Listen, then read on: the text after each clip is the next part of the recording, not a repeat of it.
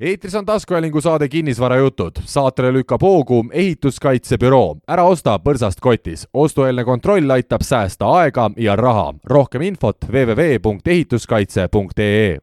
ja Kinnisvarajutud podcasti kolmekümne esimene osa. järjekordne juubel on meil selja taga, juubelisöögid söödud, algisel natukene siiamaani veel maos pitsitab. on nii, Algis, tere tervist, ei, mul on ammu kõik läbi juba, mul on siin, pole aega siin, see on ammu juba kõik möödas, nii et äh, elu läheb edasi. uus kümnend algab ka meie podcast'i jaoks äh, ja meil on järjekordne külaline äh,. see sissejuhatus saab olema üsna pikk, et siin loobiti erinevaid nii-öelda tiitleid mehele ette. proovin need kõik mälu järgi taastada. esiteks siis Võru metsavaht, sariettevõtja, meediataustaga mees. meil on külas Priit Pedanik, tere. tervist ütlesid siin kohe enne salvestust ka, et sa oled raadioreklaame sisse lugenud ja pikalt meedias töötanud ja raadiokogemusega ja panid kohe kõrvaklapid ka pähe, üks esimesi külalisi, kes meil kõrvaklappe kasutab, et räägi natukene oma sellest eelmisest elust, meediataustast ja, ja kõigest sellest. jaa, kõrvaklapid on sellepärast peas, et kolmteist või umbes nii mitu aastat on raadios omal ajal töötatud ma oma karjääri alustasin, raadiokarjääri alustasin kaheteistaastasena eh, kunagisest legendaarsest Top raadiost. Ja kui see eh, pankrotiga ühel hetkel lõpetas, siis oli selle asemel, et teiste poistega nurga taga suitsu kimuda või, või niisama aega surnuks lüüa, oli vaja kuskil edasi midagi teha, läksin, lõin jalaga ukse lahti Nõmme raadios, jätkasin seal ja sealt siis riburada pidi no praktiliselt kõikides Eestis tegutsevates või tegutsenud raadiojaamades toimetanud kõige pikemalt Uno raadios. Ja, ja peale raadiokarjääri oli kuidagi loogiline jätk televisiooni edasi liikuda ja, ja sealt algas minu selline isiklik äh, ettevõtlus äh, ja ettevõtja elu. ehk et peale raadiot tuli telekanal seitse ja peale telekanal seitset tuli digiekraanid, ehk siis liikusin edasi välimeediasse, ehk et seda meediatausta on siin paarikümne aastaga kogunenud jah, päris, päris palju no ma olen ka ju teletaustaga, mul kohe hea küsida siin, et Telekanal seitse, et kunagi sa seda kanalit alustasid, et äh, et nagu, mis sul arus oli? noh, selles mõttes lihtsalt, et ega, et väikese uue tulijana tulla meediaturule ei ole nagu väga lihtne ja, ja suured äh, meediagrupid ees, et äh, kust see mõte tekkis üldse? jah, see, see mõte oligi omas ajas natukene pöörane äh, sellepärast, et tõesti, meediaturg oli siis ju ära jaotatud põhimõtteliselt kahe suure tegija ja siis riigitelevisiooni vahel minul oli selline nägemus, et ähm, telereklaamid ei peaks olema väga kallid. telereklaamid ei peaks olema müüdud ainult läbi suurte meediamajade, läbi suurte agentuuride ja, ja et telereklaam võiks olla Äh, rahalises mõttes kättesaadav ka väikeettevõtjatele, kes oma teinekord väga ägedaid teenuseid äh, laiemale auditooriumile lihtsalt ei saa äh, läbi massimeedia turundada. ja, ja sellest see mõte algas ja ja hakkasin nuputama, et millised telekanalid siis Eesti turult puudu on ja loomulikult, kuna raha ju ettevõtlusega alustamiseks ei olnud, kohe üldse ei olnud, siis äh, Uno raadio palgaraha sai investeeritud äh, Telekanal seitsme alustamisesse ja esialgu ülevalpidamisse ja, ja eks siin võttis ikka omajagu aega, enne kui reklaamikliente suutsime veenda, et on mõistlik näpuotsaga raha ka sellesse kanalisse panna. ja muusikakanali tegemine oli loomulikult äh, no sisuliselt äh, ainukene võimalus madalate kuludega telekanalit teha, nii et, et sealt see läks no raadio, raadiost tulnuna jah, tundub ka natukene loogiline jätk, aga mul korra praegu turgatas pähe, et me tegelikult oleks võib-olla päris algusesse veel sinna tagasi, et räägi nüüd, Seera, et kuidas on kaheteistaastasel äh, noorel võimalik raadios tööle hakata, mis asi see oli? see oli juhuste kokkulangevus ja tegelikult minu elus ja ma arvan, et väga paljude inimeste elus on on tihtipeale väga palju äh, juhuslikku, väga palju äh, pimedat õnne ja, ja asjad eh, lihtsalt teinekord juhtuvad kogemata ja see raadiosse sattumine minu puhul oli täpselt samamoodi, täiesti kogemata, kuna minu ema töötas Top raadios sekretärina, siis ma seal siis ma seal kogu aeg jõlkusin ja ja, ja kui ma juba seal raadioruumides jõlkusin, siis ühel hetkel oli, oli olukord, kus, kus inimene, kes pidi eetrisse äh, tööle minema, ei ilmunud välja ja teine inimene, kes pidi eetris saate lõpetama ja jõudma rongi peale, pidi lahkuma ja ainukene inimene, kes seekord siis raadioruumides üldse saadaval oli, kellel olid käed otsas, olin, olin mina ja, ja, ja nii, nii mind raadiopulti pandi ja noh, tuletan meelde, et see oli siis kusagil üheksakümnendate alguses äh, kus äh, keegi polnud äh, arvutiga raadiojaama tegemisest veel mitte midagi kuulnud, kus ikka muusikat mängiti CD-plaatide pealt ja signatuure vahele mingite imelike aparaatide pealt, mida tänapäeval enam olemaski ei ole, nii et, et seal oli kõik ikka käsitöö, et kui inimest ei ole, siis raadiojaama ei tehta mul tuleb Uno raadioga meelde, kusjuures jube pull äh, värk, et vanasti ma tegin kooli, koolis diskosid, onju. Ja, ja siis too aeg oli see kasseti, kasseti aeg veel, enne, enne veel CD aega ja ja siis äh, Uno raadiol oli, ma ei mäleta, kas reede õhtuti kell seitse või kuskil oli, oli mingi tantsu mingi saade oli ja ja siis äh, algaja diskorina, noh, kust sa saad muusikat, on ju, siis panid salvestama, noh. ma mõtlesin, et sa panid selle Uno saate peale. Ja siis, ja ei no panidki, noh, et käima, teadsid, noh, et sealt tuleb nagu äh, okei okay asi, on ju, aga siis kuskile vahele tuleb täistund Uno raadios, nagu siis kõik oli pekkis nagu, et äh, mäletan neid aegu, mäletan. Sa oleksid pidanud ajastama selle õige hetke peale, vaata kus tegelikult ka täistund oli. aga meil on podcast'ist juba siin üle kuue minuti kulgenud ja me ei ole veel maininud sõna kinnisvara, et ma loodan, et meie püsikuulajad ei ole lahkunud selle saate lainetelt. tõepoolest ikkagi kinnis, kinnisvarajuttude saatega tegemist on. räägi siis natukene ettevõtluse alustamise rääkisid ära, aga kuidas ühel hetkel sinuni jõudis selline asi nagu kinnisvarasse investeerimine? No vot, see enam nagu nii väga juhuslik ei olnud, et, ähm, et eks kinnisvarani jõudmine sai kuskilt sealt alguse, et teatud hetkel äh, tekkis mul veendumus, et mitte keegi, noh, muidugi on see ettevõtlusega seotud, kus keegi midagi hõbekandikul ette ei kanna, kõik tuleb ise teha, oma kätega luua Äh, nii süvenes ka minus äh, veendumus, et, äh, et ma ei saa kindel olla selle peale, et ühel hetkel, kui ma enam tööd teha, kas ei jaksa, viitsi, taha või, või lihtsalt vanus on juba selline, et, et passi vaadates peaks pensionile minema. et, ähm, et ma ei saa olla mitte kellegi peale kindel, et et, et keegi siis minu eest nagu hoolt kannab, eks ole, et miks peaks nagu eh, riik või, või mõni muu institutsioon siis eh, minule ühel hetkel lihtsalt niisama andma raha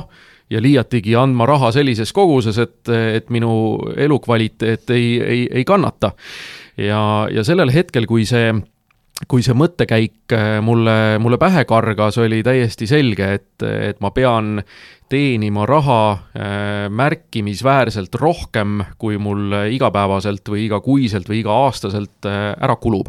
ehk et äh, piltlikult öeldes on mul vaja teenida no umbes kaks korda või kolm korda nii palju äh, iga-aastaselt äh,, kui, kui mul ära kulub, et siis kindlustada oma nii-öelda viimase elukolmandiku äh, selline elatustase. Ja, ja loomulikult ka, ka lapsed üles kasvatada ja tore oleks ju ka, kui lastele midagi on võimalik siis ühel hetkel äh, elu alustamiseks, iseseisva elu alustamiseks äh, nii-öelda üle anda või võimaldada. ja, ja sealt see, sealt see otsus kinnisvarasse natukene investeerida äh, sündis ja, ja alguses äh, niimoodi noh, tõesti näpuotsaga ja, ja hästi väikeses mahus ja mida, mida edasi elu arenes, siis, siis aina rohkem ja aina teadlikumalt niimoodi, et et jah, ma alustasin kinnisvarasse mm, raha paigutamist ja, ja tuleb tunnistada, et ka ikkagi energia paigutamist, kui ma ei eksi, siis aastal kaks tuhat neliteist. okei okay,, aga kas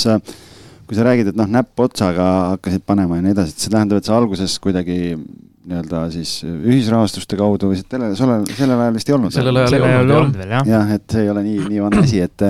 et mis see tähendab siis, et see näeb otsaga, kinnisvarasse raha panemine? jah,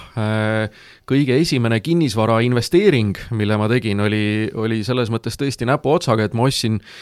sellise suhteliselt nagu soodsa hinnaga, muidugi kinnisvara ostuhetkel, mis ma olen täheldanud, mis tahes hetkel sa kinnisvara ostad, siis see alati tundub hirmus kallis. et, et vahet ei ole, ma olen nüüd siis ütleme, kaks tuhat neliteist aastast tänaseni nagu enam-vähem iga aasta midagi ostnud ja, ja alati on tundunud, et, et kuramus, et jube kallis on ja see kaks tuhat neliteist aastal ma ostsin siis Endover kinnisvara arendas Tartu maanteel ühte, ühte hoonet bussijaama läheduses Äh, mida nad tegid ähm, väga omapärasel ja nende jaoks natukene võib-olla tavatu käekirjaga. Mm, ehk et nad müüsid, äh, müüsid kortereid äh, musta karbina, ehk et tegemist ei olnud uue hoonega, vaid olemasoleva vana majaga, mm, mille nad siis kapitaalselt renoveerisid. Ja, ja minu teada Endover täna seda enam ei tee mitte kuskil, et nad müüksid musta karbina, aga vot toona eh, nad, nad müüsid eh, mõned korterid musta karbina ja minul õnnestus siis nende käest üks selline eh, korter osta ja see oligi minu esimene investeering kinnisvarasse ja, ja noh, näpuotsaga jah, selles mõttes, et, et summa toona tundus suur, oli vaja kaasata ka laenukapitali ja, ja seejärel veel panna raha sisse siis ehitusse ja, ja, ja remonti ja, ja, ja sisustusse. Aga, aga lõppkokkuvõttes see nii-öelda sisenemine oli, oli ikkagi nagu suhteliselt väikese piletiga sellel hetkel aga kas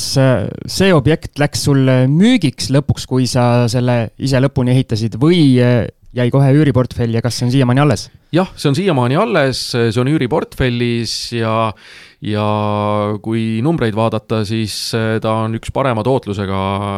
objekte mul tänaseni ma korra, üks oluline asi tegelikult meil jäi rääkimata, Siim tahtis kohe siin seda kinnisvara põldu kaevama hakata, et tegelikult meil jäi ettevõtlusest üks hästi oluline osa rääkimata, et ma tahtsingi küsida, et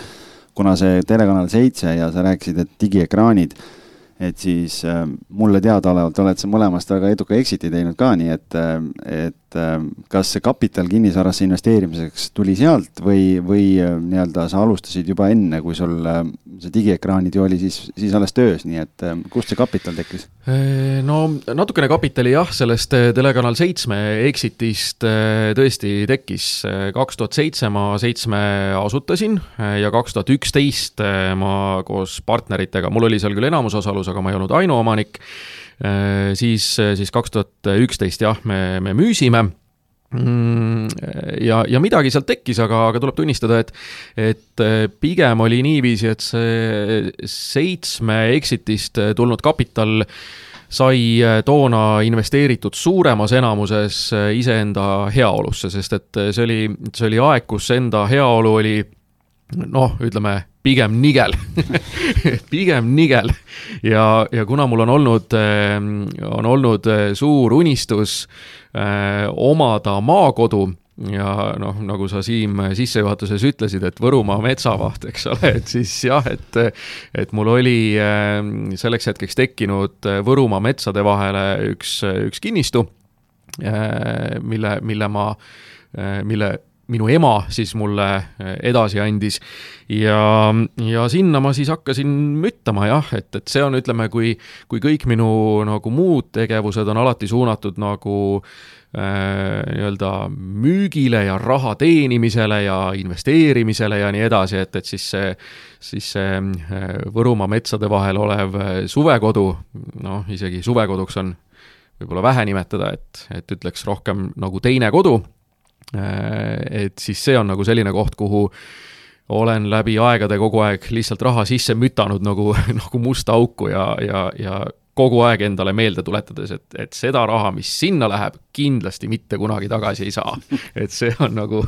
investeering enda heaolusse, vaimsesse tervisesse, perekonda, laste rõõmu ja nii edasi. väga äge, aga aga tuleme nüüd siis sinna tagasi, sinna kaks tuhat neliteist, et noh, muidugi üks asi oli ka see, et äh, natuke võib-olla kohatu küsimus, et kui, kui sa ütlesid, et noh, sissetulekuid on vaja kahe või kolmekordistada, on ju, et sealt raha tekitada, et siis ma saan aru, et üks osa oli sealt, aga aga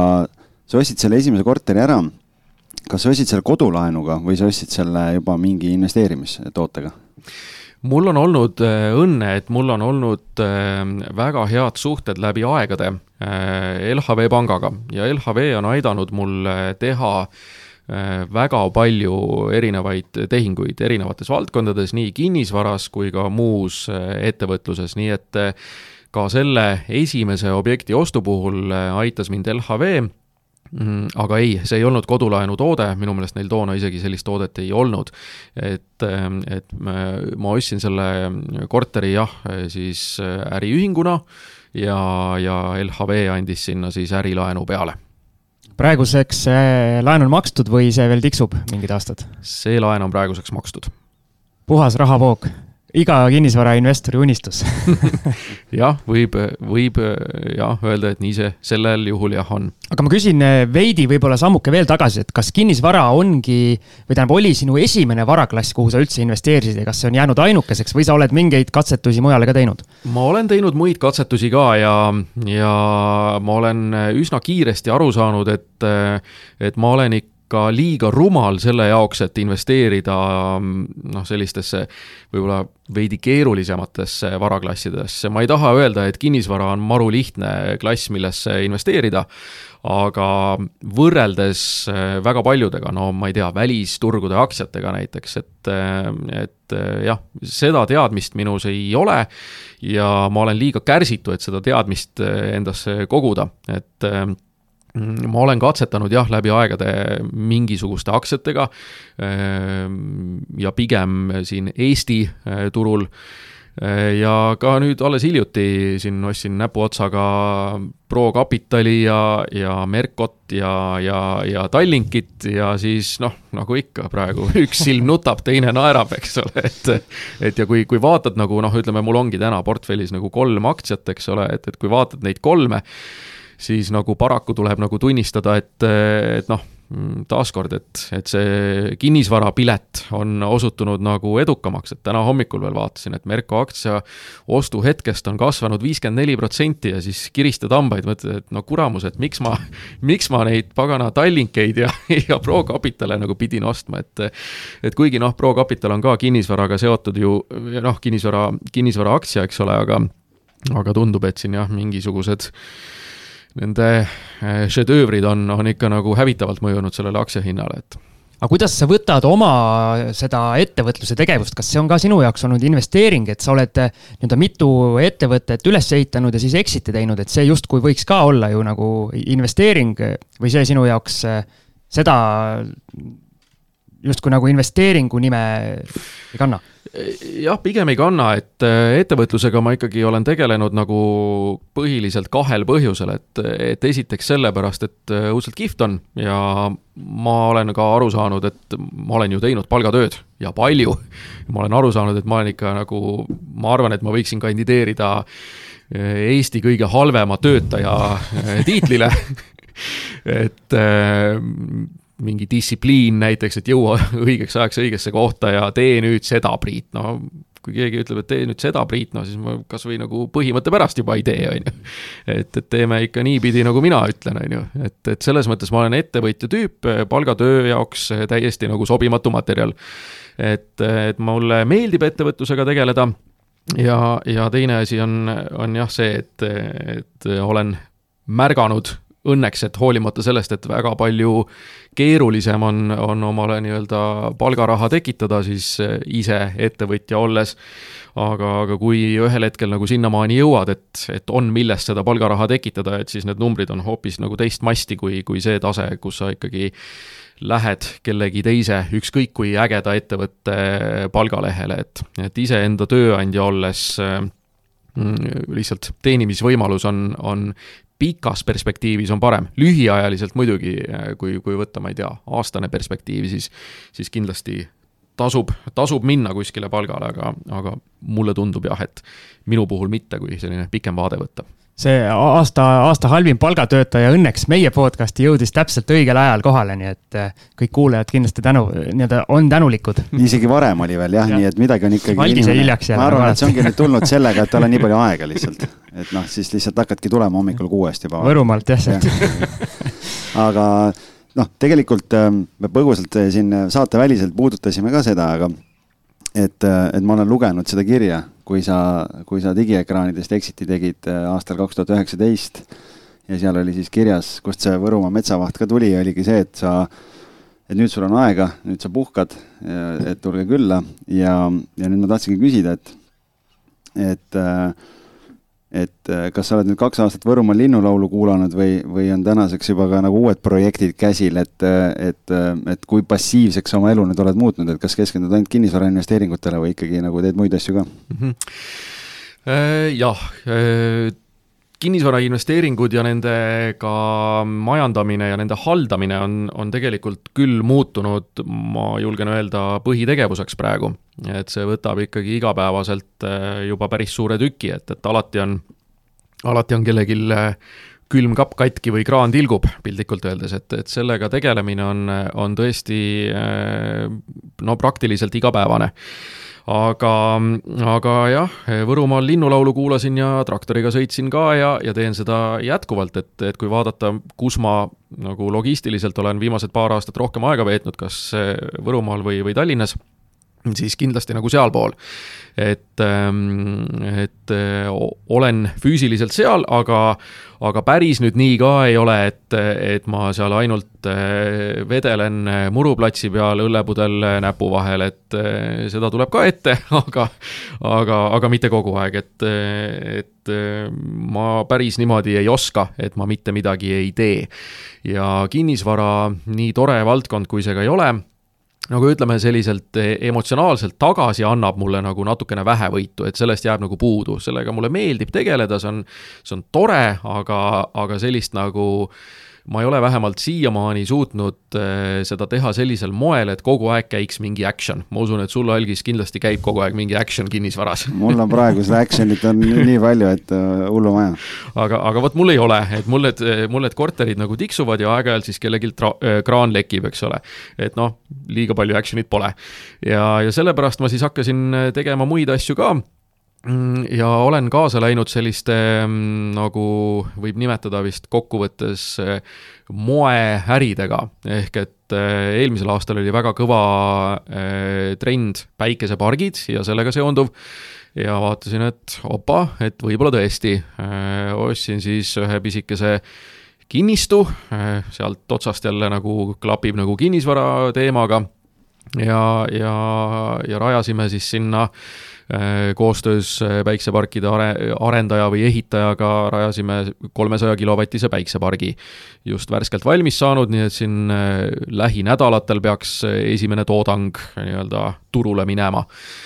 et ehm, see ka võttis oma aja ja, ja natukene haakis võib-olla minu selle digiekraanide kogemusega, et, et laias laastus ega väga vahet ei ole, kas sa sealt Hiinamaalt eh, tood eh, LED-ekraani või, või päikesepaneeli, et natukene nagu sarnane, sarnane teema. ja, ja teine asi, millega, millega ma siis möödunud sügisel hakkasin tegelema, eh, ja etteruttavalt võib öelda, et oli selline ka äh, kiirprojekt minu jaoks, et äh, paari äh, äripartneriga alustasime sellist asja nagu SafeSpot, mis on siis ekraaniga varustatud käte desinfitseerimisjaam. ja, ja ehitasime selle ettevõtte üsna kiiresti ülesse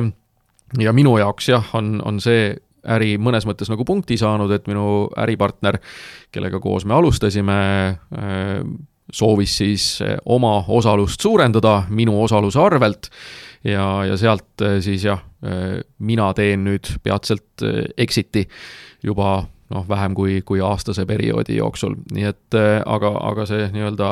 põhiidee jah, äh, tuli, tuli siis minul möödunud aasta noh, hilissuvel ja, ja sügisel saime siis selle vankri käima ja ja on läinud päris ilusasti käima, et, äh, et meil on siin seitsekümmend masinat üle Eesti välja pandud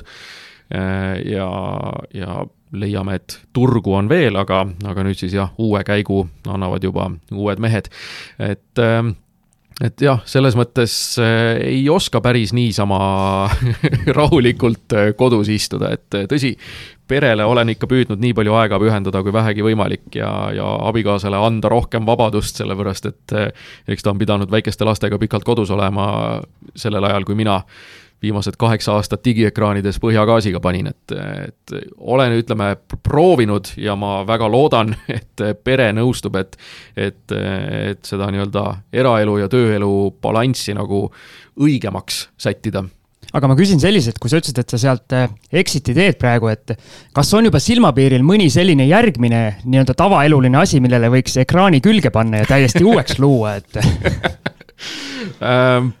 ma täitsa teadlikult äh, püüan äh, ja ei tulnud küll välja nüüd selle SafeSpoti kontekstis, aga ma ikka püüan täiesti teadlikult vältida ettevõtteid, mis kuidagi seostuvad ekraanidega. Et äh, lihtsalt äh, äh, tahaks, et elus oleks midagi peale ekraanide veel, et äh, no toon ühe näite, et äh, et oleme siin tõesti mõelnud näiteks ühe pisikese kohvikuketi laiendamise peale ühe, ühe äripartneriga, et juba siin mingisugused nurgakivid on laotud, on ju, ja võib-olla tahaks nagu natuke suuremaks ehitada, et, et võib-olla on aeg nagu Äh, tegeleda noh, tõesti millegi, nagu sa ütlesid, elulisemaga, eks ole, et, et et ei, ei tahaks jääda nagu ainult nendesse digi- ja ekraanide teemadesse kinni. aga see nii-öelda meediapisik ju ikkagi on nii sügaval sees, et see saab vist raske olema või? Jah, eks vist, et jah, ma ei oska nagu raadiot normaalse inimese kombel kuulata ja, ja, ja ma ei teagi, kui keegi teleintervjuud näiteks peaks kunagi tahtma mult, et kas ma tahan seal ka klapid pähe panna aga räägime sellest kinnisvarast edasi, et eh, ma ei tea, kas me mainisime saate alguses, eh, mitu objekti sul praegu portfellis on, vist mitte, Algis siin raputab pead suure-suure kaarega, et räägi siis, eh, kui suur su portfell on, on ja kas see logistiliselt on kuidagi nii-öelda Tallinna ja Võru vahel ilusti seal tee peal ära jaotunud või? Äh, täna on kaksteist korterit, äh, kõik on äh, kahetoalised ja nendest kümme on võib öelda, et Tallinnas, sest et hästi mitu objekti on Peetri alevikus, mm, aga noh, ütleme ta on ikkagi Peetri on südalinnale lähemal kui see stuudio, kus me praegu istume, Nõmmel, et, et seega kümme tükki on Tallinnas ja kaks tükki on Tartus see Tartu ots on nüüd äh, tulnud äh, lõpujärgus, et kuna sealpool on rohkem tegemist või? Äh, ei, kinnisvara, kui minu kinnisvara investeeringutest üldse nagu rääkida, siis need nii-öelda objektipõhiselt, et nad on tekkinud kõik, ma olen selline nagu emotsionaalne kinnisvarainvestor, mis, mis võib-olla on natukene nagu tavapäratu selles mõttes, et, et üldiselt peaks vaatama ainult mingit Excelit ja numbreid ja kas on roheline või punane, aga, aga mulle tõesti nagu meeldib äh, siis investeerida sellistesse objektidesse äh,, mis mulle endale emotsionaalselt tunduvad sellised, mis võiks nagu äh, klientidele meeldida ja, ja seega ma ei ole näiteks investeerinud mikrokorteritesse, sellepärast et äh, no tõesti, minule endale, kindlasti on väga palju inimesi, kellele nad meeldivad ja tootluse mõttes on nad ka kindlasti head, aga minule endale ei meeldiks elada üheksateistkümne ruutmeetri peal. Äh, ja, ja ütleme, selline minu jaoks nagu kuldne kesktee on olnud äh, ütleme, selline mõistliku suurusega kahetoaline korter ja, ja ma olen nagu välja mõelnud enam-vähem sellise kliendi profiili, kellele, kellele neid siis ka, ka pakkuda ja, ja turundada. ja need Tartu korterid ähm, samamoodi on, on tekkinud nüüd mitte nii-öelda minu enda logistika kuidagi klappimisest, vaid, vaid pigem just sellest, et äh, kuna ma Tartus äh, tõesti äh, eeskätt just digiekraanide töö tõttu veetsin väga palju aega siis äh, mulle jäi silma äh, selline arendus nagu Riia kvartal, mis on no sisuliselt ju Tartu kesklinnas. Ja, ja see on arhitektuuriliselt megaäge, see on mulle väga-väga meeldinud, nad praegu just ehitavad veel kahte viimast äh, maja samasse kvartalisse. Äh, ja, ja mulle meeldisid need hooned juba siis, kui mul ei olnud mitte mingisugust võimalustki nendesse korteritesse investeerida, nad tundusid sellel hetkel jälle nagu ikka hirmus kallid. Ja, ja noh, Tallinnaga täitsa sama hinnatase ja, ja ma mõtlesin, et noh, et miks me peaks üldse nagu kaaluma seda, et Tartusse investeerida korteritesse, mis on nagu Tallinna hinnataseme peal. aga emotsioon sai eh, tollel juhul ikkagi võitu ja, ja, ja ostsin jah, sinna Riia kvartalisse kaks identset korterit äh, ja, ja nüüd nad on kenasti no umbes aasta või natuke peale on, on siis nii-öelda töös olnud. ma natuke imestan, et sul üldse õnnestus Tartusse mõni objekt leida, et saates kolmkümmend käis meil Tartu kinnisvaraparun Ergo Mõttus ja ma eeldasin, et temal on kõik, kõik Tartu objektid ära ostetud aga ju siis õnnestus tema.... see oli see hetk, kui ta vähe rahulikumalt võttis. võib-olla jah no tema selline käekiri on vist natuke teistsugune, et, tema noh, ma olen vähemasti niiviisi aru saanud, et, et seda tüüpi kortereid pigem nagu portfellis ei hoia, nagu, nagu mina, et, et mul on seal Tartus kaks neljakümne seitsme ruudust, noh, mis võib-olla Ergo jaoks jäävad nagu veidi, veidi juba liiga suureks ja, ja, ja hinnataseme poolest ka liiga kalliks. aga räägime natuke sellest Peetri alevikust äh, ma spetsiaalselt, kuna ma ise Rae vallas elan ja natuke tegutsen ka seal, siis ma tahan küsida, aga teeme enne ühe väikese pausi, kuna meil siin pool tundi täis saab. kuulame lühikese vahekõlli ja siis läheme kohe edasi.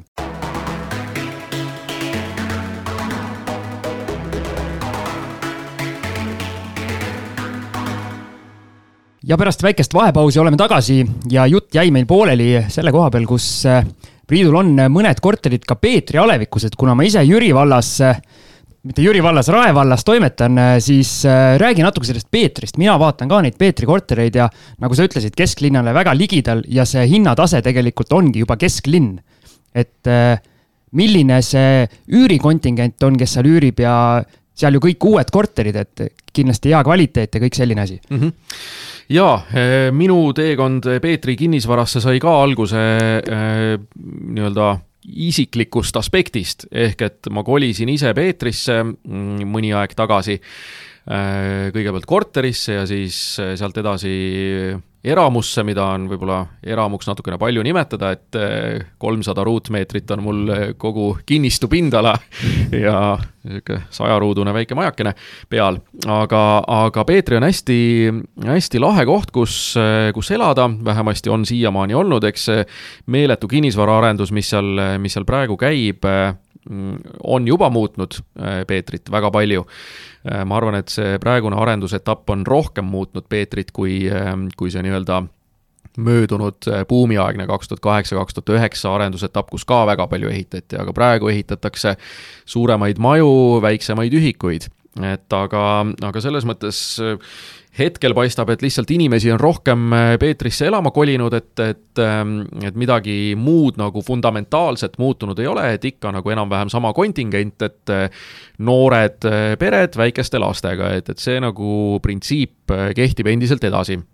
kui, kui nagu üldistada ja eks ta samamoodi on ka, on ka üüriturul, et, et pigem Peetrisse üürnikuks kolivad sama profiiliga üürnikud kes siis ühel või teisel põhjusel kas ei saa või ei taha omale, omale kohe kinnisvara osta, et äh, minul on olnud üürnike seas seal pigem nagu valdavas osas sellised inimesed, kes ühel hetkel ostavad omale Peetrisse korteri ja enne seda soovivad siis nii-öelda kombata seda piirkonda, elada seal veidi aega, saada aru, kuidas seal see infra ja kogu elu käib. ja, ja peale seda siis äh, langetavad ostuotsuse ühe või teise arenduse kasuks või siis on ka sellised, kes on, kes on juba kas siis äh, mõne korteri omale broneerinud või, äh, või äh, võlaõiguslepingu juba ära sõlminud ja läheb siis korteri valmimiseni veel aastakene või midagi sellist aega, et ka selliseid on, on olnud. et laias laastus selline pilt ja mul on Peetris praegu, ma olen seda Peetri piletit nagu järjest suurendanud. ma kõigepealt ostsin, ja need on nüüd üsna sellised värsked ostud, kui, kui nii võib öelda ehk siis eh, digiekraanide exit'i järgselt, eh, kus tõesti oli selline seis, et oli vaja kapitali kuhugi paigutada ja, ja, ja siis ma ostsin Peetrisse kõigepealt, kõigepealt ühte hoonesse kolm korterit, siis avanes võimalus veel neljaski osta, nii et ühes majas on mul, on mul neli korterit, mis on siis kunagi Äh, Hausersi arendatud äh, objekt äh, koduteel Peetris. ja, ja teine objekt on mul Kopli teel siis Kesk-Peetri arenduses, kus mul on kaks korterit, nii et kokku Peetris kuus objekti ja, ja see seltskond jah, kes, kes seal elab, on enam-vähem nagu, nagu sarnane. nii et, et nende Peetri objektidega võib, võib igati rahul olla. aga oled sa seda ruutmeetri hinna liikumist ka Peetris nii-öelda silma peal sellel hoidnud, kuidas see nii-öelda kõrgemaks läinud on järjest? no ikka väga suurte sammudega, väga suurte sammudega jah, et, et ütleme niimoodi, et Äh, natukene aega peale seda, ma pean silmas noh, ütleme kuu või kaks, kui ma olin äh, need äh, viimased Peetri ostud ära teinud, mõtlesin korraks, et noh, et äkki võiks nagu ühe või kaks korterit veel sinna juurdegi osta, aga korter, mille hind minu jaoks ostuhetkel oli sada kümme tuhat eurot, maksis sellel hetkel juba sada kolmkümmend kaks tuhat eurot ja me räägime siin nagu kahe kuu pikkusest nagu aknast. ehk et väga-väga kiiresti on, on hinnad tõusnud oled sa nii-öelda kaugemale ka seal Rae vallas vaadanud, eh, sinna minu mängumaale, võib-olla Jürisse ja sealt edasi veel? korterite kontekstis ei ole, et eh, tuleb tunnistada, et, et ma olen näpuotsaga raha paigutanud ka äh, siis elamumaasse. et, et ma olen vaadanud Rae vallas äh, elamumaid ja sellise pilguga, noh, ütleme, ma olen nagu selline tüüp, et mulle meeldiks kogu aeg kõike osta aga samal ajal kõik, mis mul on, on, on nagu samal ajal kogu aeg müügis. et, et seega äh, ma olen väga oportunistlik oma, oma, oma tehingutes või tegevuses et, äh, et kui oleks Rae vallas mõni selline maatükk, äh, mida oleks võimalik osta ja sinna siis midagi arendada, äh, ise ehitada näiteks, et siis loomulikult oleks nagu sobivate tingimuste korral oleks, oleks huvitatud, olgu ta siis Jüri või Raeküla või, või Uuesalu või mis iganes, et siiamaani jälle äh, kuidagi juhuse kokkulangevuse tõttu on mul õnnestunud osta kaks maatükki, aga jälle Peetrisse. et ei teagi, kas mingi, ma ei tea, saatuse sõrm või karma või mis siin on, aga aga igatahes, et ei ole ma nii-öelda oma kodu ukse tagant väga kaugele veel jõudnud aga võib siis öelda selle jutu põhjal, et eh, sulle võiks diagnoosiks panna kui tehingunarkomaan jah, põhimõtteliselt küll, et, et mulle tõesti meeldib, eh, ütleme, kui ettevõtlusest rääkida, mulle meeldib asju alustada, neid luua, mulle meeldib väga neid kasvatada ja, ja loomulikult, nagu ma ütlesin, et kõik, mis mul on, eh, on, on põhimõtteliselt kogu aeg müügis sobiva hinnaga. kui ma tegin digiekraanide exit'i, siis minu abikaasa kinkis mulle ühe raamitud äh, postri, mille peal oli, ja see oli exit'i päeval, kui oli kõik vormistatud ja väike tähistamine tehtud ja jõudsin koju ja siis oli, oli selline poster, mille peal oli äh, kiri Everything I touch turns to sold kuulge, see on ülihea, mul maaklerina sobiks see deviis väga hästi, kuule, ma pean selle kirja panema endale, et nagu väga hea noh, selles mõttes, et. Äh, mitu müüki teinud oled, Algis? noh, kes jõuab kokku lugeda siin edukas mees, aga kui mul nüüd matemaatika paika peab, siis äh, kuskil nende Tartu ja Peetri korterite vahepeal sul on veel mingid objektid kuskil, kus need asuvad? Ehm, ega otseselt ei ole, et. Ehm, siis mu matemaatika oli vale et ehm, noh, ütleme Tallinnas, Tallinna kesklinnas, et mis ei ole Peetris, on Tallinna kesklinnas, et, et ütleme jah, mina vaatan nagu Tallinnat ja, ja Peetrit nagu nii-öelda ühe, ühe tükina, et et mul on, mul on siis nii-öelda Peetrist väljapoole jäävaid objekte on mul, on mul neli. Äh, see nimetatud esimene kinnisvarainvesteering Tartu maanteel kaasa arvatud, siis on mul äh, üks objekt no sisuliselt vastasmajas, Merko arendatud Tartu maantee viiskümmend kaks maja, mis on ka ütleme, natukene selline emotsiooniost, aga, aga kui vaadata nüüd, et mis hinnaga see korter, mm, kas, kui ma ei eksi, siis kaks tuhat kuusteist äh, sai soetatud, et siis nagu tänases vääringus äh, noh, ütleme juba vara väärtuse kasv on olnud meeletu. et, et kindlasti hea, hea väga, tehing. väga ilus maja on see. väga ilus maja ja selle, no sõna otseses mõttes sellepärast ostsingi, väga ilus maja ja, ja, ja väga äge korter, seitsmendal korrusel, võiks öelda, et kuidas no Algis, sina oled maakler, sina, sina oskad kindlasti välja mõelda müügilause, ma näen, ma näen laevade korstnaid, et eh, mis ta siis on, pooliku merevaatega või? osalise, osalise merevaatega. osalise merevaatega. eelviimase peal. laevu ei näe, aga korstnaid näeb jah? okei et, et tõesti jah, selline kõrge korrus ja, ja ägeda, ägeda vaatega ja, ja see korter sai ostetud küll nagu selle vaatega, et, et ühel hetkel, kui ta nii-öelda, kui tema selline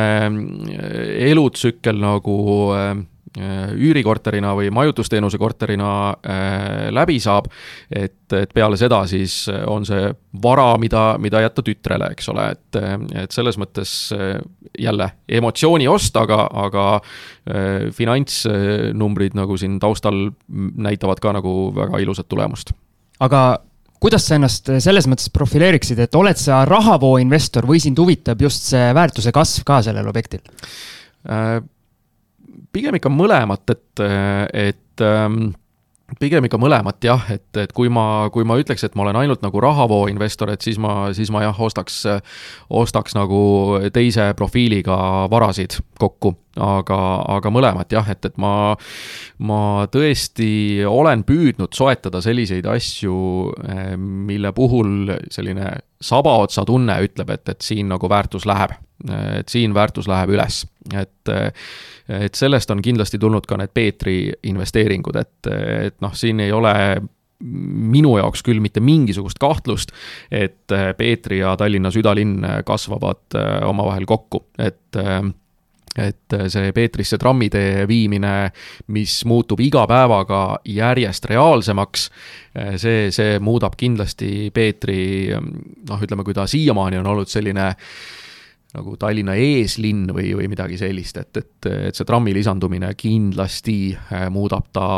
sõna otseses mõttes nagu Ülemiste City käepikenduseks pluss veel ju tehakse see väike ringtee ka sealt läbi Just. mingi hetk, et. Äh, ja noh, tegelikult jah, kõik, kui vaadata, kuhu ta üldse edasi, edasi areneb, et tegelikult sinna külje alla kohe tuleb suur IKEA ja kõik, kõik see pool, et tegelikult nagu metsiku kiirusega kogu see, see poolne linnast väljasõit nagu areneb. ja rääkimata Järvekülast, kus äh, noh, eeldades, et siin see väike nii-öelda Konarus teel, mis äh, Blue Sky äh, arendusi kimbutab, et, et kui, kui nemad ikkagi äh, Kindluse kooli kõrvale äh, planeeritud planeeritud kolmsada eramut äh, ära ehitavad. et see on ka meeletu maht ja, ja kindlasti see taaskord muudab seda, seda piirkonda atraktiivsemaks ja sinna äh, Kindluse kooli lähedusse Vana-Tartu maantee äärde on tulemas ka Rimi toidukauplus, varem või hiljem see seal, see seal ära arendatakse ja, ja see kauplus seal äh, avatakse, nii et, et ei ole kahtlust, et see, see Peetri ja Järveküla piirkonna linnastumine, see, see on kindlasti nagu protsess, mis, mis, mida enam ei pidurda üks asi, mis mul on silma jäänud tegelikult, et kui Viimsi on nii-öelda jõukuse poolest number üks vald, Peeter on kohe kannul number kaks, et tegelikult kui kahte piirkonda võrrelda, siis tegelikult on see, et kogu see kinnisvaraarendus nagu metsiku kiirusega areneb, aga tegelikult natukene infra ei tule järgi selle koha pealt, okei okay,, koole ja kõike tehakse eks seal võib-olla Ülemiste lähedus natukene mängib ka rolli, aga noh, et söögikohti on vähe ja, ja võib-olla sportimisvõimalusi ja, ja kõike seda poolt, et selle koha pealt kindlasti nii-öelda Viimsis oma spaad, mingeid spordiklubisid, kõike seda on nagu rohkem, et, et mulle tundub, et selle, sinna nagu seda poolt vaadatakse nagu vähem kuidagi. Jah, sellega tuleb nõustuda, et olles ise kohalik elanik, äh, siis võiks olla midagi juures, samas nagu päris nii ka ei saa öelda, et, et nüüd midagi ei ole. Ja siin on nagu see, kus hakkavad äh, sellised pisikesed, äh, väikesed asjad, iga lisanduv asi äh, toob jälle midagi juurde, toon näite, et ähm, Peetris Allika teel on on üks miniladude kompleks, kus on, võib tunduda, et noh, miniladu, mis seal ikka, eks ole, et suvaline, on ju. aga tegelikult on seal avatud näiteks vorstiabi kauplus üliäge äh, lihapood, megaäge, sealt saab äh, suurepärast šašlõkki, äh, tuhandet erinevat grillvorsti, miljonit erinevat suitsuvorsti, õudselt äge teenindus väga,, väga-väga šef asi. sealsamas kohe selle miniladude kompleksi hoovi peal on uus ja väga maitsev burgeripuit ka, kus saab igasuguseid maitsvaid asju kaasa võtta. meil on Peetri vagun, noh juba legendaarne Peetri no, elanike jaoks. seal olen mina ka käinud, ma olen ise sealkandis elanud, nii et seda tean isegi mina. et, et neid, neid kohti nagu ükshaaval järjest lisandub ja, ja Rae valla ees tuleb ikkagi teha selles mõttes kummardus, et eh, jah, võttis aega küll väga palju, aga lõpuks ehitati valmis Peetri park ja see on eh, muutunud nii megapopulaarseks kohalike seas, et seal on nagu teatud hetkedel isegi nagu tipptunnil on võib-olla natuke keeruline nagu, nagu aega veeta. et, et selles mõttes ei saa mina nõustuda sellega, et infrat nagu üldse ei ole ja et, et nii-öelda teenused ei, ei tule järgi, et tulevad ikka küll. jah, lasteaiakohtadega on, on probleem, eks just ole. seda tahtsin öelda on, on probleem. aga see on igal pool, ma olen ise Harku vallas ja no see on katastroof, noh, see on ulme. minu jaoks on see hetkel pakiline küsimus ja no need järjekorrad on täiesti müstilised, et no mitte midagi ei ole teha, aga nagu sa ütlesid, et see nii-öelda elu elumajade ja kortermajade arendus liigub nagu mitu sammu ees ja siis see infra tuleb järele ja mina nüüd, kes ma olen ennast sinna Jürisse ära parkinud, siis äh, ma vaikselt siin ilmselt ootan, et mingite aastate pärast, kui see Järveküla ka kaugemale ära arendatakse, et siis ühel hetkel jõutakse sinna Jürisse ka küll nad jõuavad jah, ja, ja mis lasteaiakohtasid puudutab, et jah, see on nagu täna probleem, on ju, aga, aga pigem nagu tasub jälle mõelda nagu kaks sammu nagu ettepoole, et, et mis sellel hetkel saab, kui kõik need lapsed on nagu täiskasvanud, eks ole, ja, ja kõik nende laste vanemad äh, mitte ei vaja enam eramuid ja, ja kortereid, vaid hoopis ühtesid teist tüüpi nagu asutusi, et et äh, mulle tundub, et Peetri võiks olla ka see koht, kus siis ühel hetkel äh, võib-olla mõni, mõni lasteaed nagu konverditakse mingisuguseks äh, seenioride päevakeskuseks või, või midagi sellist, et, et see, see protsess nagu ühel hetkel tegelikult ootab ees, et kui nagu kogu see demograafiline seis on täna selline, et, et kõik on noored, siis ühel hetkel on kõik vanad see on väga, vot siin kellelegi hea äriidee on ju, et äh, no Priidul on omal ka krundid. no vaata, siin ridade vahelt praegu lugesime välja. mehel pea lõikab. aga ma tegelikult tulen nüüd sinna tagasi, et sa ütlesid, et sa olid sihuke nagu tehingufanatt, vaata, et kogu aeg tahaks nagu osta ja samal ajal võiks kõik müügis olla ja nii edasi ja et äh, aga kas sa nagu flip imise peale ei ole mõelnud siis, et noh, kui sulle endale meeldib see väärtuse kasv ja kõik see pool, et siis saaks ju kogu aeg osta, möllata ja, ja müüa ja kogu aeg nii-öelda oleks dünaamika ja oleks seda seda nii-öelda emotsionaalset poolt võib-olla nagu rohkem, millest sa praegu nagu natuke puudust tunned mm,? olen mõelnud küll, aga siin, siin nagu on eh, kahjuks tulnud jälle nagu mingid teised emotsioonid nagu mängu, et, et ma olen ju äh, oma portfelli kuuluvatest korteritest no sisuliselt oma kätega noh, liialdades, aga, aga, aga natukene olen ikka kätt külge ka pannud kahel objektil, et üks oli seesama esimene mm, Musta karbina ostetud objekt Tartu maanteel ja, ja siis mul õnnestus osta väga-väga hea hinnaga üks objekt äh, Mustamäel, äh, mis on minu ainukene nii-öelda kesklinnast väljas olev äh, objekt Tammsaare tee ääres Mustamäe keskuse vastas, kus ma sain sellise nagu paneelmaja, nõukogudeaegse paneelmaja kahetoalise korteri mis oli juba nagu tühjaks lammutatud. ehk et seal keegi oli selle kõva ropu musta eeltöö juba, juba ära teinud ja, ja siis äh, seal korteris sai ikka kõvasti nagu musklit äh, tehtud, et tassisin nõukogudeaegses korteri, kortermaja koridoris ospiplaate ja kipsiplaate, et, et noh, kes on, kes on ise remondiga paneelmajas kokku puutunud, tead, teavad, kui nagu kui kiiresti muskel kasvab sinna nagu materjale tassides. et, ähm, et ja, ja siis nende kahe nagu objekti tulemusena või nendega tegutsemise tulemusena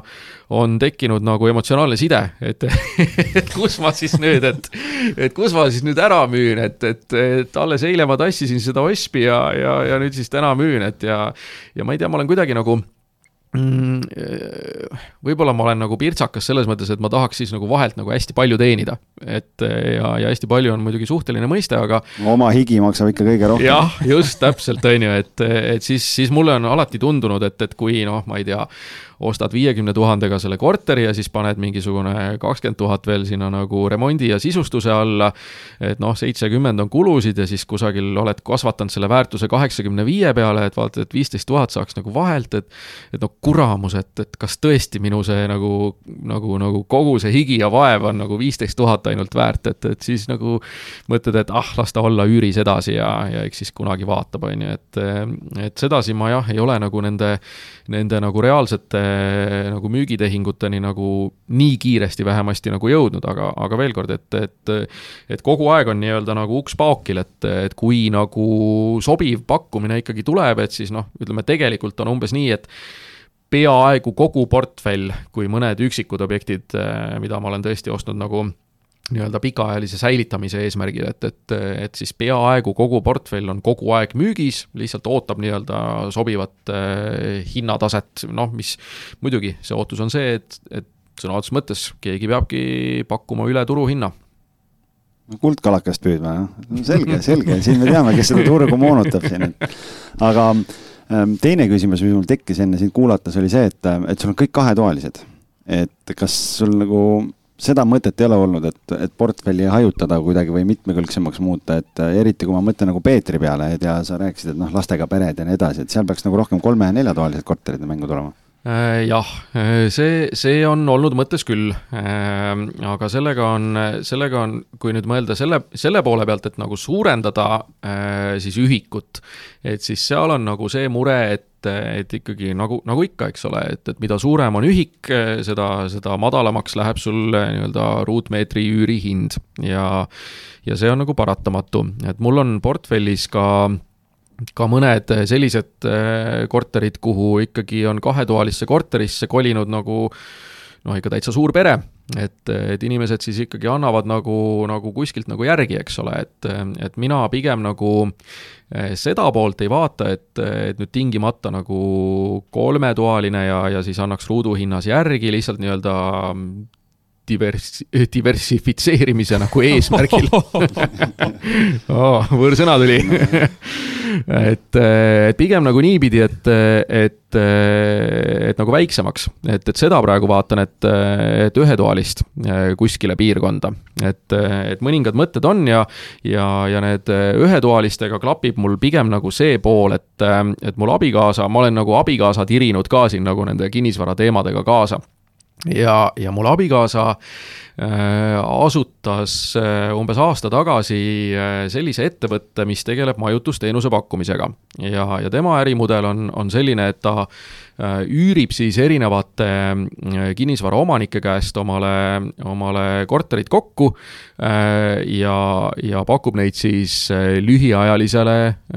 rendile Äh, kas siis päeva või, või nädala või noh, teatud juhtudel ka, ka kuu äh, kaupa. ja see nagu ettevõte sai alguse ausalt öeldes nagu, nagu, nagu vajadusest, et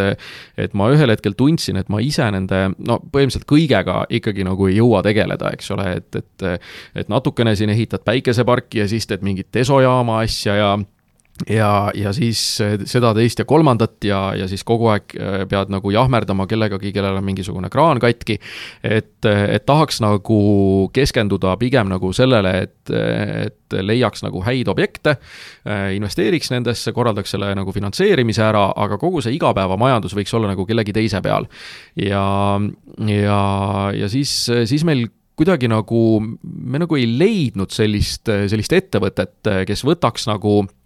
põhimõtteliselt äh, finantseerimisriski nagu maha, eks ole, piltlikult öeldes, kui kui ma ostan investorina korteri, äh, võtan sinna finantseerimise peale pangast äh, ja mul on näiteks ütleme aastas üks või kaks kuud, kus mul, kus mul on korter tühi, siis ega ma ju laenu pean ikka tagasi maksma ja, ja see paneb nagu hirmsa surve peale. Ja, ja me otsisime pikalt sellist ettevõtet kes siis, kes siis põhimõtteliselt selle riski nagu maha võtaks, ehk et oleks operaator, ettevõte, kes võtab natukene alla turuhinna, aga ma ei pea silmas nagu müstiliselt alla turuhinna, vaid no ütleme, niisugune a la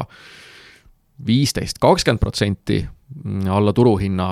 võtab need korterid üürile, mul on tagatud kohustuste täitmine panga ees, mul on tagatud pidev rahavoog ja operaator-ettevõte siis ise vaatab, kuidas ta hakkama saab, eks ole.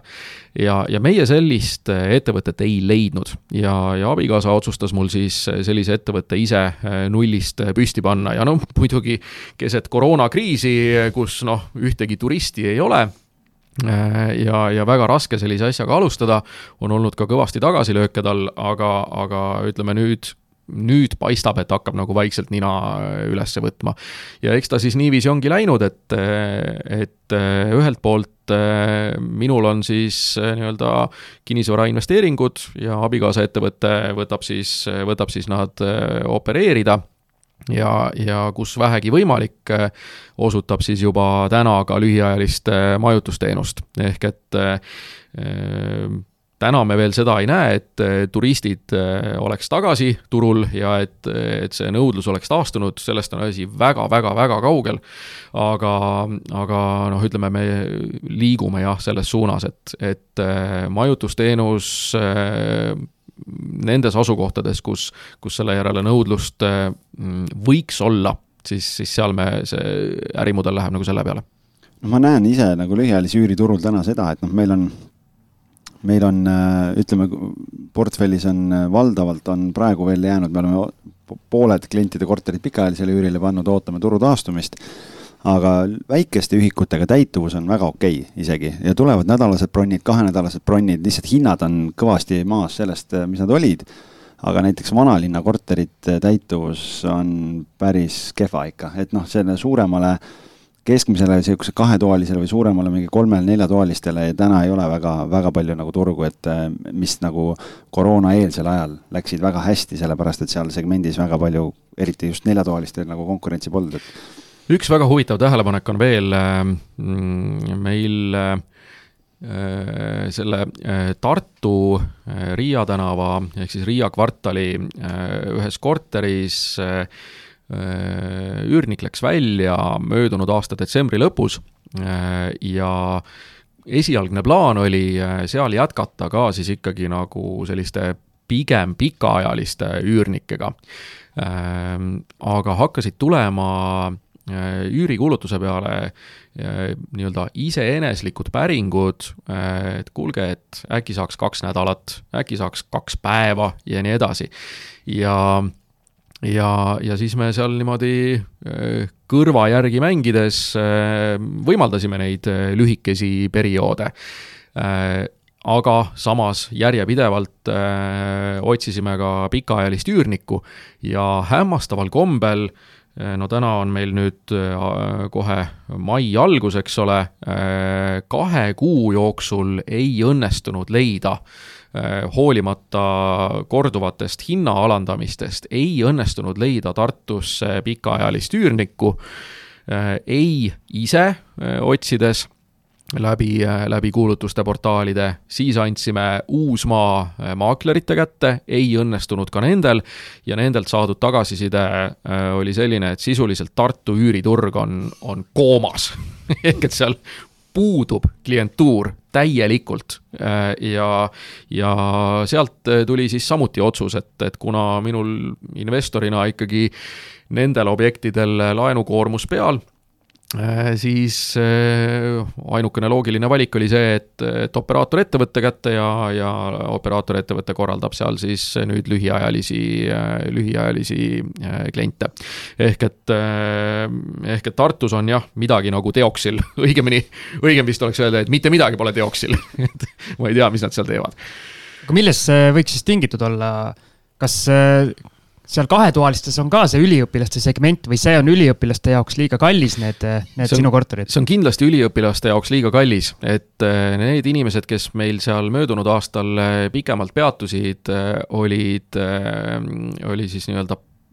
mees ja naine, paar, kes mõlemad töötasid IT-ettevõtetes. ja, ja nende jaoks oli see sobilik, äh, ka hinnataseme mõistes sobilik, asukoha mõistes sobilik, aga jah, äh, ma ei tea, kas siis praegu on kõik need nii-öelda IT-ettevõtjad äh, juba kuskile või nende töötajad juba kuskile ära majutatud või,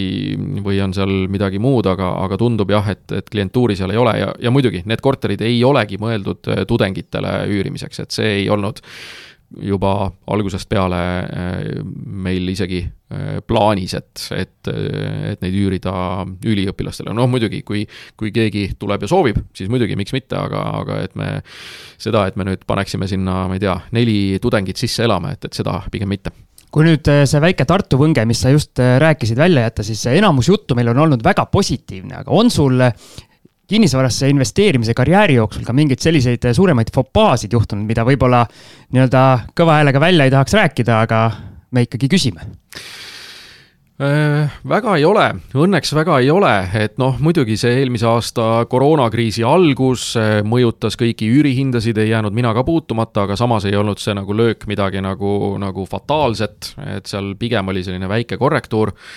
ma isegi võiks öelda, et, et nagu praegu on nagu veidi keerulisem võib-olla, et, et kui siin nagu vaadata, et üks ja teine korter on nagu, nagu tühi ja, ja siis osad on pandud nagu lühiajalisse majutusteenusesse, et, et seal nagu kliente napib ja nii edasi, et, et ma, ma võiks isegi öelda, et praegune aeg on nagu, nagu keerulisem kui see aastatagune aeg. Aga,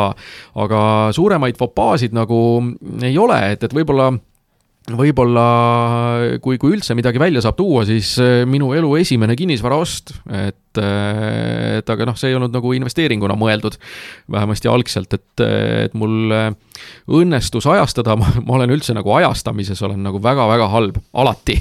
et e, mul õnnestus osta oma esimene kodu kodulaenuga ja kui ma nüüd ei eksi, siis aasta kaks tuhat Ähm, hmm, mis ta võis olla, kaks tuhat äkki seitse lõpus või kaks tuhat kaheksa alguses, kuskil sealkandis, ehk siis nagu kinnisvarabuumi nagu see, siis kui oli see nagu ja nagu, nagu kui seda graafikut vaadata, siis nagu see, see kõige ülemine tipp, mis oli isegi natuke off the chart nagu on ju, et vot nööp nõela saad panna, et vot, et näed, et kus see tipp on, ahah, pumps. sinu notari, sinu notari järel hakkas minema kuni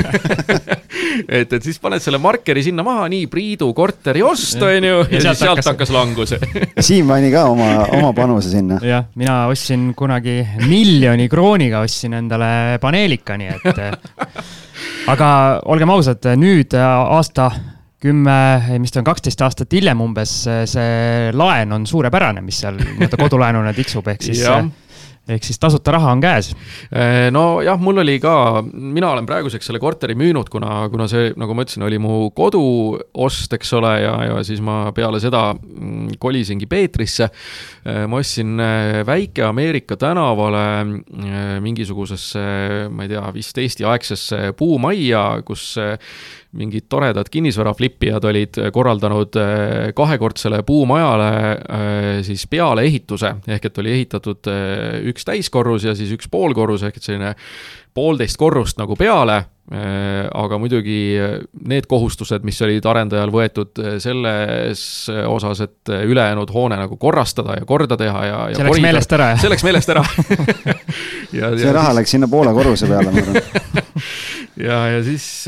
noh, muidugi eh, ehituskvaliteet oli ka selline buumiaegne niimoodi, et ikka kui, kui kõrvalkorteris keegi aevastas, siis mul kapis klaasid klirisesid.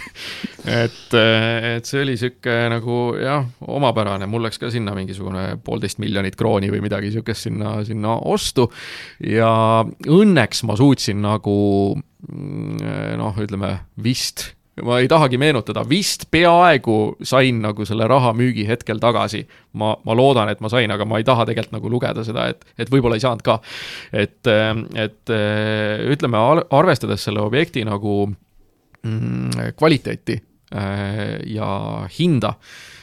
siis, siis nagu tagantjärgi mõeldes selle oleks võinud tegelikult jätta äh, tegemata või, või natukene rohkem kaevuda sellesse arendajasse, tausta, sellesse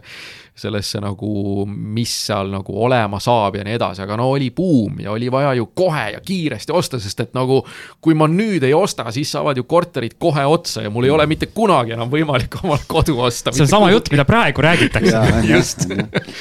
aga see on nii imelik, et kui sina räägid nii-öelda sellest buumiaja ostust nagu nii-öelda negatiivses võtmes või oma nii-öelda selle aegteljel kõige kehvema tehinguna, siis mina arvan, et minu see buumiaegne ost nii-öelda täna vaadatuna tegelikult on isegi üks parimaid, kuna see ajas on ikkagi nüüd juba selgelt kallim see korter, kui ta siis oli. sest nii-öelda hinnad vahepeal on kõvasti all käinud ja nüüd kõrgemale tagasi tõusnud ja pluss siis mul see laen tiksub nagu nii hea intressiga, et. no see on su nii-öelda portfelli nurgakivi selles mõttes ju, et, et selle baasil saad, on saanud järgmiseid otsuseid teha. aga see mulle nii-öelda näitab, et kinnisvaras ongi nii see objektipõhine, et, et see ajastus võib olla tegelikult nii-öelda aegteljel sama, aga ongi see, et mida sa ostad, kas sa müüd või ei müü, kas see on sul endiselt alles, et sellest palju oleneb no,. no antud juhul tegelikult aeg ei mängi rolli, rolli mängib lihtsalt see, et, et sattus kehva asja otsa. jah, põhimõtteliselt küll, jah. ja noh, tegelikult ega eelmise buumi ajal kõik ehitasid, nii et maa oli must ja kedagi ei huvitanud mingid paberimajandused ja asjad, et täna on ikkagi nagu kord on majas. mina kõige rohkem imestan selle üle, mida ütles Tõnu Toompark siin nüüd eh, möödunud nädalal, et, et eh, kinnisvara kodu ostmiseks on alati hea aeg, sellega ma olen täitsa nõus, aga, aga väide, et, Tõnu väide, et, et kinnisvarasse investeerimiseks võib sügisel hilja olla, see paneb natukene nagu kulmu kergitama, et, et mis me siis nagu teeme, sõbrad investorid, sügisel, paneme pillid kotti ja, ja lõpetame tegevuse või? siis on müüa vaja, sest kui enam midagi osta ei ole, siis, siis teistele investoritele peab realiseerima hakkama et et, seda, seda ma küll ei tahaks nagu uskuda, et, et sügisel enam nagu millessegi investeerida ei, ei ole kinnisvaras, et, et kindlasti, kindlasti on ja, ja seda ma paraku ka, ma tahaksin seda uskuda, et, et sügisel on, on keskmine ruutmeetri hind üle nelja tuhande euro ja, ja, ja et me saame kõik oma objektid kahekordse kasumiga maha müüa, aga aga ma kardan, et, et siin Tõnu on vist natuke liiga optimistlik ma tulen korra veel ühe teema juurde, jube hästi lõbusaks läheb, üldse ei tahaks see partypuuper olla siin, onju, aga, aga ma tuleks nüüd selle juurde tagasi, et, et me üürnikest tegelikult väga palju ei rääkinud, et ähm, milline on üks hea üürnik, et mille järgi sa ära tunned, et vot see üürnik on see, keda ma tahan oma korterisse võtta? Tead, ega see, see ongi keeruline, seda, seda ära tunda on, ma julgen öelda, et peaaegu võimatu, aga, aga üks üks nagu põhjusi, miks me ise oleme tegelenud oma korterite üürnikega otse ja mitte läbi maaklerite, on just nimelt see, et, et saada mingisugunegi nagu sabaotsa tunne. et, et sa vaatad inimesele silma ja, ja püüad aru saada, et, et, et kas see inimene hoiab sinu vara või, või mitte. noh, muidugi seal täit kindlust, ega seal ei ole, ma arvan, isegi poolt kindlust ei ole, aga, aga nagu natukene saad, saad ikkagi aimu, et, et kas noh, mis tüüpi inimesega tegemist on. aga muidugi, mul on olnud ka piisaval määral äh, väga nagu retse kogemusi nii, hakkame, hakkame otsast minema teeme eraldi saate siia veel nüüd. no ma ei tahaks öelda, et siin on nagu rahvusega seotud, aga mul on olnud läbi aegade äh, väga palju negatiivseid kogemusi soomlastest üürnikega. mul on praegu näiteks üks ülipositiivne kogemus ühe Soome kutiga, kes, kes mul ühes korteris on, ta on väga lahe ja, ja, ja kõik on alati õigel ajal makstud ja, ja suhtlus on fantastiline. normaali ihminen. joo, aga, aga meil on olnud nagu näiteks ütleme, üks Soome tudeng ja tudengitega on vist see lugu, et Soome riik vist kompenseerib neil teatud osa äh, üürikulust. viissada eurot mm, minu teada. ja, ja noh, ega siis, kui sul nii-öelda tasuta korter kätte antakse, ega siis sa seda ju nagu, siis on ikka party, on ju tõesti. et, et mul oli üks Soome tüdruk, kes korterist lahkudes jättis sinna hulgaliselt äh, isiklikke esemeid, äh, igasuguseid absoluutselt igasuguseid ja no need ei kannata isegi podcast'i eetrit, mida sinna jäeti. pluss veel nagu boonuseks jättis ta mulle natukene mööblit, pani paika mingisuguse lauakese, noh muidugi tore selles mõttes, et, et. said rohkem tagasi kui välja. jah, kulus kuskil garaažis ära. et ma tahtsin küsida, et kas ta jättis alles natukene mööblit või jättis nagu, nagu... ta oli sinna vedanud kokku mingit oma mööblit ja ta jättis selle sinna panipaika ja ei vaevunud seda ära viima, mis minu jaoks tähendas ju selles mõttes mõttes kulu, et, et ma pidin rentima mingisuguse masina, mingisuguse mehe, on ju, kes, kes sealt selle vara nagu minema viib, on ju, et, et see, see tekitas mulle kulu. Äh, pluss ta jättis korterisse mingisuguse sideteenuse võla, eks ole, ja nii edasi, et noh, õnneks ütleme, Tagatis nagu kattis selle ära, et ma marssisin Teliasse ja ütlesin, et palun võtke see, võtke see raha ja, ja, ja kogu lugu ja saatsin, saatsin neiule kirja, ütlesin, et ma klattisin selle ära, on ju, sest et noh, sideteenustega on ju teatavasti nii, et kui võlg on üleval ühel aadressil, siis järgmine inimene samale aadressile enam sideteenust ei saa, on ju, ja, ja seega see nagu tuleb, tuleb ära klattida äh, Õnneks Tagatis jah, kattis selle ära. siis oli mul üks ühes teises korteris, vot ja see on nüüd lugu. mul oli äh,, mul oli äh, tore ehitaja Valgast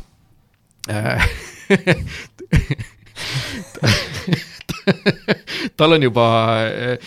ma ei tea, kas ma tohin eetris nime öelda, aga kuna tal on kuulus nimekaim, Äh, siis ma, siis ma ikkagi võtan selle riski, ma ütlen, äh, te teate kõik seda naljameest äh, Raimo Aas, eks ole. et, et Raimo Aasa nimekaim oli minul siis üürnik, mitte see Raimo Aas, kes, kes nagu äh, nalja teeb, vaid äh, noh, ütleme see minu üürnik Raimo tegi ka nalja, aga alguses ei olnud see üldse naljakas ma sain korteri kätte talt selliselt, et ta oli mulle kaks kuud võlgu üüriraha. Ja kui ma siis ütlesin talle, et ole hea, et mine nüüd palun ära, ma sain talt ikkagi näost näkku ei saanud, aga tema, tema proua andis siis mulle võtmed üle. Ja, ja korterisse sisenedes, noh, rääkimata sellest, et korter oli muidugi koristamata ja, ja väga-väga must, aga ehitaja Valgast oli teinud sellise triki, et mul oli seal korteris äh, köögis puidust äh, töötasapind, täispuidust, ja ma olin sinna täispuidust töötasapinna peale pannud ka täispuidust lõikelaua ja noh, nagu puidust asjad ikka, äh, nad kipuvad nagu niiskusega nagu veidi nagu koolduma, eks ole, ehk et nad lähevad paindesse ja, ja noh, kui lõikelaud läheb nagu paindesse, siis selle peal ei ole enam mugav lõigata, no arusaadav, eks ole, aga selle asemel, et nagu lõikelaud välja vahetada või, või noh, ma ei tea, helistada mulle, öelda, et kuule, et mingi jama on, kuna noh, ikkagi tegemist oli me juba kujutame ette. Ehitajal on ju käed otsas siis tema oli võtnud lihtsalt paar kipsikruvi ja, ja akutrelli ja laskis selle lõikelaua mulle töötasapinna külge kinni kruviga no aga see on. Äh, aga probleem sai lahendatud no,. kui sa oskad. see probleem sai lahendatud. leidlikkus, vaata, kui sul on õhtul on kõht tühi, sa ei hakka poodi uut lõikelauda minema ostma, sa, mis sa teed, noh. sama vend paigaldas mulle akende ette, paigaldas ruloo aga, ja jällegi, kuna tegemist on ehitajaga, siis, siis täiesti professionaalselt niimoodi, et, et kuna aken avaneb sissepoole, äh, siis ta pani äh, lakke, kinnitas ruloo, aga siis ak-, akna selle põse ülemise ääre ja, ja akna enda raami vahel oli mingi sihuke paar sentimeetrit. aga ruloo oli kuskil noh, ma ei tea, viis-kuus sentimeetrit niimoodi, et aken enam lahti ei tule akent ei ole võimalik avada mitte ühelgi moel. et noh, ma ei tea, kas see on nagu õige paigaldusmeetod, ütleme, küllap ehitaja teab ma võtsin selle ruloo maha võiks teada vähemalt, on ju, jah, aga noh, et ei tea, kas ta on siiamaani ehitaja. ei tea jah, aga, aga ja siis on olnud noh, muidugi lugematul arvul on olnud selliseid tegelasi, kes tõesti jätavad korteri mega-mega räpaseks äh, ja, ja lihtsalt ei korista enda järelt ära mm, näiteks ühes, ühes korteris oli seinas elektriradikas ja seina ja radika vahel on selline mõne sentimeetri äh, laiune pragu või vahe, eks ole. ja, ja siis ma ei tea, kas tegemist oli nagu, seal oli küll tegemist üksiku meesterahvaga, kes seal korteris elas, et küllap tal oli siis nohu, et terve see radika ja seina vaheline ala oli täis topitud mingeid paberinutsakaid. et noh, ma väga loodan, et see oli nohu kui see voodi lähedal oli, siis. oli küll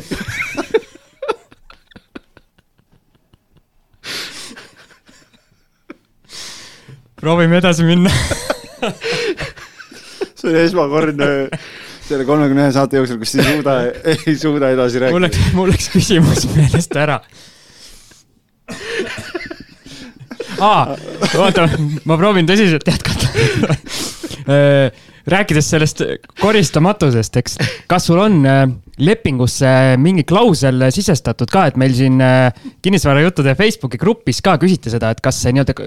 nii-öelda professionaalne koristusteenus on sul lepingus sees ka, et äh, nii-öelda sellest tuleb tagatisrahast lihtsalt maha ja siis lased nii-öelda professionaalse koristaja peale?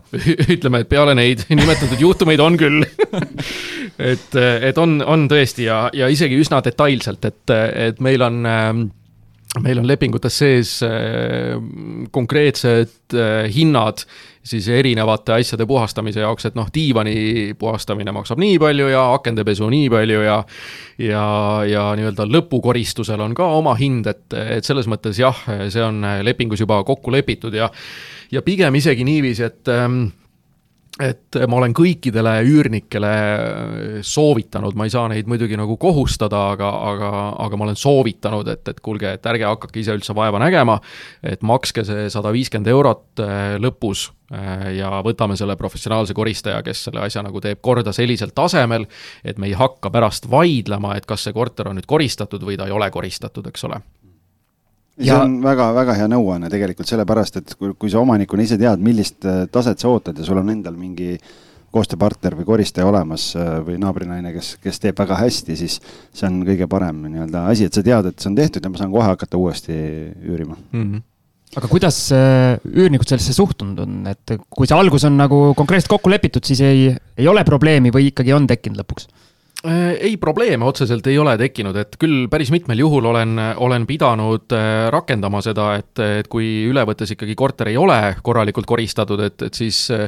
on see punkt nagu läinud käiku põhimõtteliselt noh, nii-öelda sunniviisiliselt, eks ole, aga ei ole tulnud ka vastuväiteid, et et aga, aga noh, pigem joonistub välja see, et kes on vaidleja, see on vaidleja nagu algusest kuni lõpuni, eks ole, et, et noh, jällegi siin enne mainisin, et, et soomlastega on igasuguseid nagu juhtumisi olnud, et et äh, üks Soome üürnik äh, küsis mult äh,, kõigepealt küsis, et kas ma võin võtta kassi korterisse, no mul on koduloomad on keelatud, ma ütlesin, et ei äh,, ei või.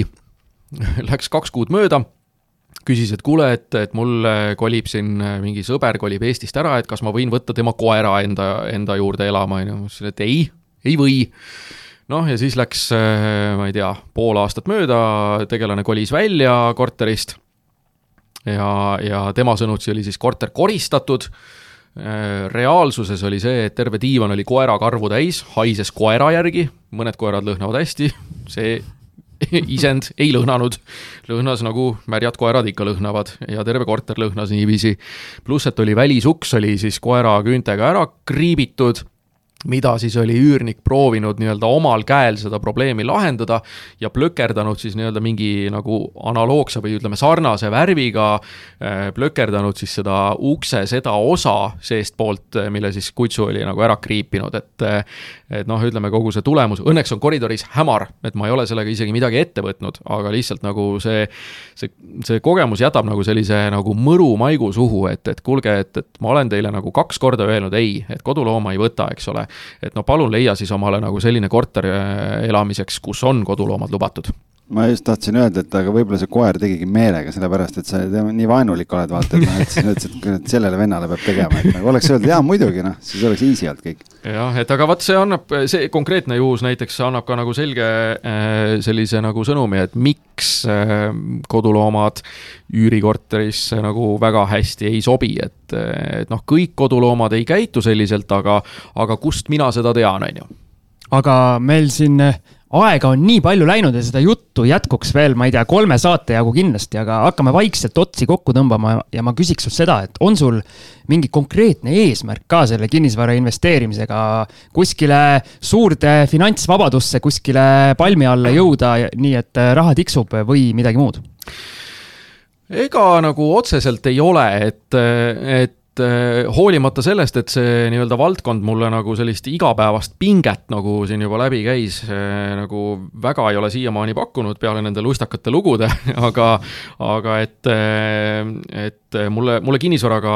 tegelemine ikkagi nagu meeldib, et ma olen praegu ka ostmas ühte, ühte uut objekti juurde. Ja, ja ma kindlasti jätkan kinnisvarasse investeerimist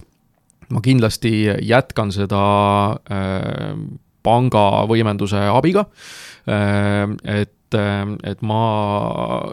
loodan, et, et see portfell nagu kasvab, ma loodan, et ta kasvab nagu noh, sellise mõistliku tempoga, et üks-kaks uut objekti aastas võib-olla, et, et mingit nagu sellist hullu nagu hüpet ei, ei, ei plaani mm,. aga, aga sellist nagu kauget eesmärki, et oi, et hull vabadus või mis iganes, et seda, seda ei ole, et nagu, nagu öeldud, et ma olen selline oportunistlik, et kui homme tuleb keegi, kes tahab nagu kogu portfelli ära osta veidi kõrgemalt kui turuhind, palun, on, on võimalik teha sellist diili, eks ole. Ehm, ja noh, finantsvabadus ei ole, ei ole ka nagu eesmärk äh, omaette, et, et ma olen nagu ikka mm, püüdnud oma elu elada nagu selliselt, et et kogu aeg nagu teha natukene rohkem, kui, kui äh, nii-öelda igapäevaselt ära kulutad, et, et mul on veel olen veel võrdlemisi noor mees, et käed-jalad on otsas ja pea ka nagu enam-vähem nagu töötab, et, et siis, et ma usun, et isegi kui peaks juhtuma nagu kõige hullem, ehk et noh, ütleme finantsilises mõttes kõige hullem, ehk et ma ei tea, kogu vara nagu kaob, eks ole, mis iganes asjaolude kokkulangevusele, on ju, et, et kui ma ei tea, ütleme, võtta kõige-kõige nagu pöörasem nagu stsenaarium, et eh, on eraisiku pankrot ja mul ei ole mitte midagi enam. et eh, ma olen täiesti veendunud, et ma suudan nagu sellest ka välja ronida nagu alustades siis põhimõtteliselt nagu nullist uuesti kusagilt. Lähed nagu sama rada pidi, et palgatöö ja siis vaikselt investeerid, eks ole. et, et selles mõttes ähm, ma ei ole endale seadnud jah, nagu ei, ei investeerimises ega üldse nagu elus mingit niisugust nagu kauget eesmärki, et, et jah, et nüüd tahaks sinna välja jõuda, võib-olla peaks. Ei noh, selles on hästi erinev, et selles mõttes, et äh, inimesed ongi erinevad, osad on sellised emotsionaalsemad ja, ja äkilisemad ja teised on sellised rahulikumad ja vaatavad natukene pikema, pikema vaatega asju, et aga aga ma küsiks siia lõppu veel, et, et meil on hästi palju selliseid kuulajaid ka, just tegime küsitluse meie kinnisvarajutude Facebooki grupis, et, et noh, et mis seis kellelgi on. ja päris palju oli neid inimesi, kes vastasid, et äh, alles võtavad hoogu või koguvad kapitali, et äh, mida sa soovitaksid nendele inimestele? ärge munege, hakake kohe tööle et, et ka väga väikese piletiga teinekord õnnestub nagu siseneda, et, et hakake kuskilt pihta, et mul on üks väga-väga hea tuttav pereringis, kellele ma, keda ma üritasin nagu tirida juba siin, ma ei tea, kolm aastat tagasi üritasin tirida äh, kinnisvarasse investeerimisse. Äh, lihtsalt selle pointiga, et noh, et ma ei tea, tule kasvõi kinnisilmi, hakka nagu kuskilt minema, pane nagu oma finantseering, võta laen peale, hakka lihtsalt kuskilt pihta. alati leiab põhjuse, miks nagu mitte teha, on ju, et oi, et ma siin praegu ehitan maja, ma ei saa, mul ei ole vaba raha mul on, ma ei tea, siin see või teine nagu küsimus, mul on lapsed väiksed, mul ei ole aega. no neid põhjusi, miks nagu mitte teha, on, on kindlasti nagu väga-väga palju, aga aga kui sa mitte midagi ei tee ja lükkad kogu aeg seda alustamist nagu edasi, et eh, ega siis ei hakka ka mitte midagi juhtuma, et sa ei saa panna endale sellist eesmärki, et ma teen, vot näed nüüd need, need, need, need, need, need, need asjad teen ära ja siis ma hakkan investeerima, et noh, see on, minu jaoks kõlab nagu sama jaburalt, et et ma teen nagu, ma teen nagu need, need, need, need, need asjad ära ja siis ma saan lapsed. et nagu hallo, et äh, lapsed tulevad siis, kui lapsed tahavad tulla või, või kui naisega on nagu piisavalt hästi kõik ja, ja, ja, ja lapsed tulevad, on ju, et, et ega sa ei saa nagu seada nagu mingeid eeltingimusi, et nii, et ma nüüd ostan omale äh, XC üheksakümne, siis ma ostan omale Peetrisse kahesaja ruuduse maja kodulaenuga, mille intress on äh, kaks koma kaks ja vot siis ma saan lapsed ja siis ma panen äh, kümme tuhat eurot ühisrahastusse ja siis viiskümmend tuhat eurot korterisse, no Hallo, sa ei saa kõike nagu planeerida. Läheb metsa, noh, läheb metsa, aga hakka kurat kuskilt pihta päris jõuline, jõuline avaldus. super, väga hea punkt siia saatele mu meelest. ja, ja ma siin lõppu siis vabandan, et meil äh, ilmselt kuulajatel on hetkel mälupilt sellisest nohusest äh, õnnetust soomlasest praegu ees, võib-olla on õnnelik soomlane, mine sa tea aga ma arvan, siia kohta on äh, hea lõpetada. aitäh, Priit, et sa viitsisid sealt Võrumaa metsade vahelt meile saatesse tulla aitäh teile, aitäh kutsumast! oli väga meeleolukas. ja, ja algisel siin juba uued külalised selles mõttes üles rivistatud, et väga huvitavad saated meil ka järgmised tulemas, on nii, Algis? on, on, saab lubada jah, nii et äh, kaevume natuke finantside maailma ka varsti. väga hea ja mina samuti tänan meie kuulajaid ja olge tublid, investeerige kinnisvarasse, nagu Priit ütles, et äh, hakake kurat pihta ja järgmise saateni. kõike head